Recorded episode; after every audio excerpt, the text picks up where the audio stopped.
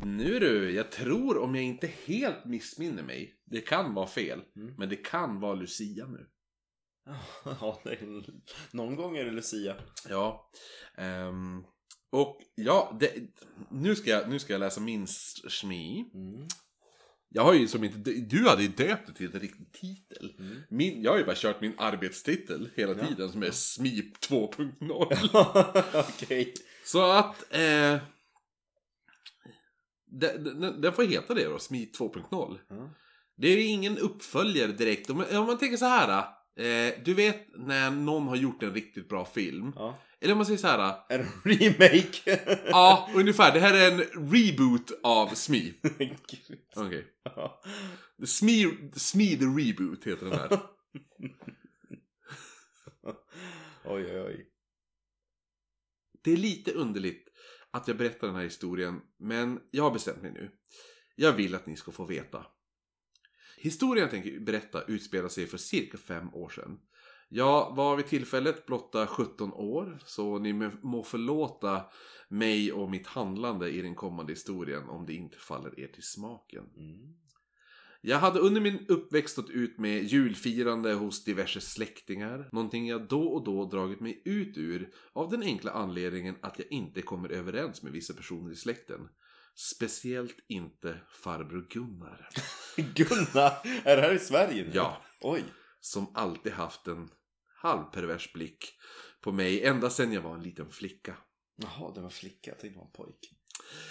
Den här kvällen då detta utspelar sig satt jag i vad vissa skulle kalla sorgebordet. Ni vet det där bordet där man släpper av alla skräpsläktingar vid bröllop och begravningar.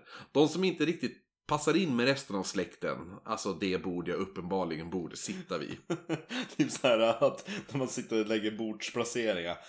Nej, nu har vi placerat in Ja. alla som vi vill ha. Exakt. och så resten skräpbordet. Hur som helst så satt jag där och de andra utstötta kusinerna och tremänningarna och försökte avnjuta julmaten som bestod av det vanliga, ni vet köttbullar, prinskorv, Janssons och allt det där.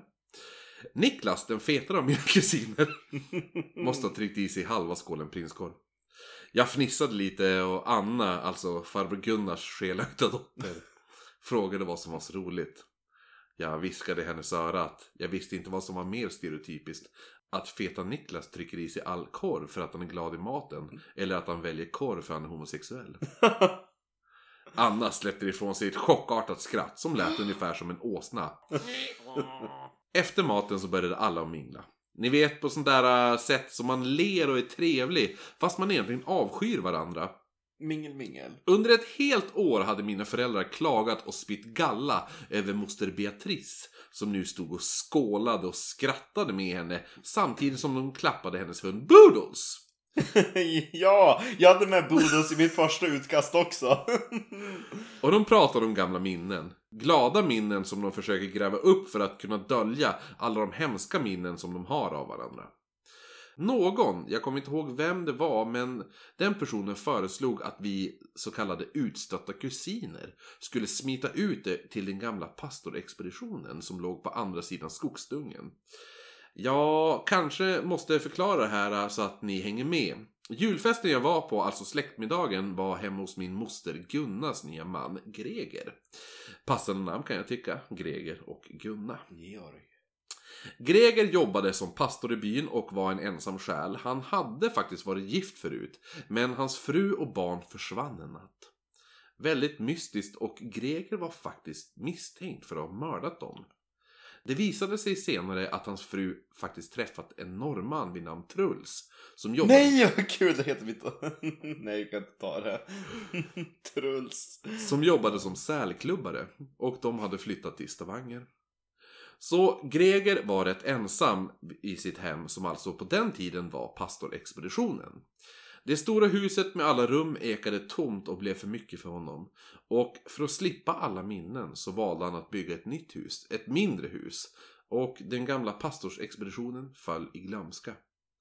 Ja, det kanske inte föll i glömska för omvärlden, men för Greger var huset ett minne blott. Det övergivna huset stod cirka 150 meter från Gregers nya hus, alltså det hus vi nu befann oss i. Och allt som skilde de två byggnaderna åt var en liten, men väldigt tät skogsdunge. Utan att någon som helst märkte så smet vi en och en ut ur huset. När alla var ute skyndade vi oss mot mörkret som gömde sig bland träden. Jag måste erkänna att en pirrande känsla trädde fram medan jag sprang mellan träden i den lilla täta skogen med endast månens svaga ljus som lyste upp min väg. Det kändes som en lång stund men det tog faktiskt bara några minuter att ta sig igenom skogen. När jag nådde skogsmynningen upptäckte jag att jag var sist ut ur skogen och de andra stod och stirrade upp mot det domedagsliknande huset. Det var ett betydligt större hus än vad jag väntat mig. Som ett vitt övergivet palats insvept i täcke av orörd snö. Det var en magisk känsla. Det är det enda sättet jag kan beskriva det på. Är ni redo? Utbröt mitt kusin Konrad. Ett enfaldigt ja fyllde vår omgivning. Det känns som att det här utspelar sig i Holmsund. Det gör det.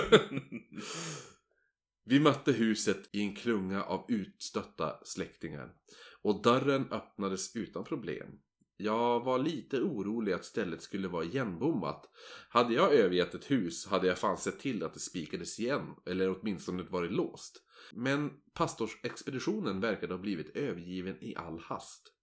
Jag funderar lite på varför man bara lämnar ett hus på det här sättet, när Anna viskade. Tydligen ska han ha flyttat efter han började höra steg i huset. Vad säger du? Hennes skånska äcklade mig. Men vad hon sa väckte min nyfikenhet. Vad menar du? svarade jag och Anna fortsatte. Det sägs ju att han lämnade huset efter han känt sig så ensam när hans fru stack iväg. Med den där norrmannen du vet, han Truls. Hon tog barnen och stack och Greger satt ensam kvar här i huset och kände sig övergiven. Ja, sa jag och kunde se hur Anna började flina lite. Det du har fått höra är bara en del av den riktiga historien. V- vad menar du? avbröt jag Anna och hon fortsatte. Jag hörde irritation i hennes röst.